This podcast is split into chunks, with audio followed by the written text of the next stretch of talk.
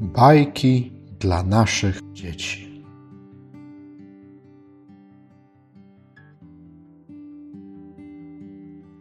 O żabie i jaszczurce. Bajka z Ugandy. Jak zapewne wiecie, żaby nie mają ogonów, a jaszczurki, kiedy się na nie patrzy z góry, mają tak rozdęte policzki, że wchodzą im aż na szyję. Ale nie zawsze tak było. Kiedyś w całej Ugandzie wszystkie żaby miały ogony, a jaszczurki normalne policzki. A teraz posłuchajcie, dlaczego to się zmieniło. Bardzo dawno temu, pośród gałęzi drzewa w pewnym lesie, mieszkała sobie całkiem miła jaszczurka. Odkąd tylko sięgnąć pamięcią, przyjaźniła się z żabą, której dom znajdował się na niewielkiej wysepce pobliskiego stawu. Przyjaciółki często się spotykały i spędzały czas na rozmowach. Wszyscy byli przekonani, że nie potrafią bez siebie żyć. Któregoś pięknego dnia jaszczurka postanowiła urządzić ucztę. Zaprosiła wszystkie swoje sąsiadki i znajome, które zwinnie poruszały się po drzewach, ale nie zapomniała też o swojej serdecznej przyjaciółce. «Y, dziękuję ci za zaproszenie, ale raczej z niego nie skorzystam, rzekła żaba. A to dlaczego? zdziwiła się jaszczurka. No przecież nie potrafię wspinać się na drzewa, odpowiedziała przyjaciółka. I taka była prawda. Żaba potrafiła świetnie pływać, super skakać. Ale czy ktoś widział, żeby wspinała się na drzewa? A co się martwisz? Jakoś temu zaradzimy. Będę na ciebie czekała, rzekła jaszczurka. I tak oto w dzień uczty żaba stanęła pod drzewem przyjaciółki. Hmm, jednak jaszczurka nie przemyślała wcześniej, jak pomoże swemu gościowi wejść do siebie. Widząc żabę, postanowiła z niej zażartować. Zrzucam ci lianę, przywiąż ją do swojego ogona, powiedziała.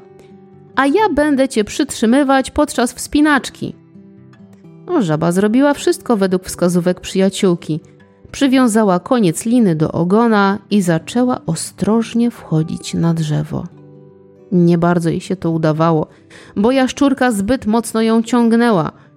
Kiedy była już w połowie drogi, wtedy urwał się jej ogon i biedaczka spadła na ziemię. Szybko jednak się pozbierała i wielce rozżalona powróciła na swoją wysepkę. Nie zamierzała jednak odpuszczać tej zniewagi.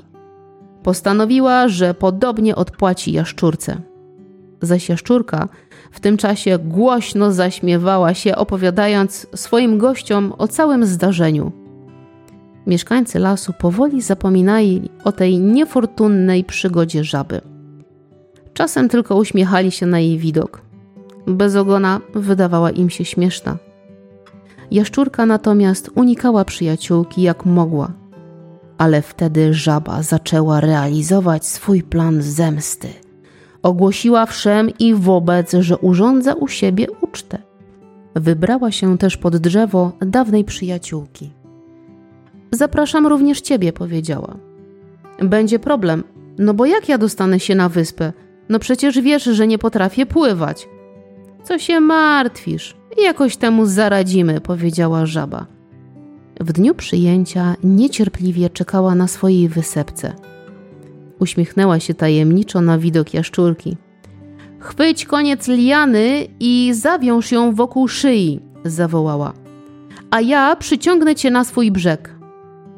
Jaszczurka wykonała polecenie żaby i wskoczyła do zimnej i głębokiej wody.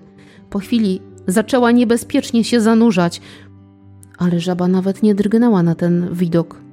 Dalej trzymała mocno lianę, by jaszczurka nie mogła wyjść na brzeg. Końcu jednak rozluźniła uścisk i mocno przerażona wydostała się z wody. Ledwo dyszała. Sznur tak mocno zacisnął się wokół jej szyi, że rozdały się jej policzki.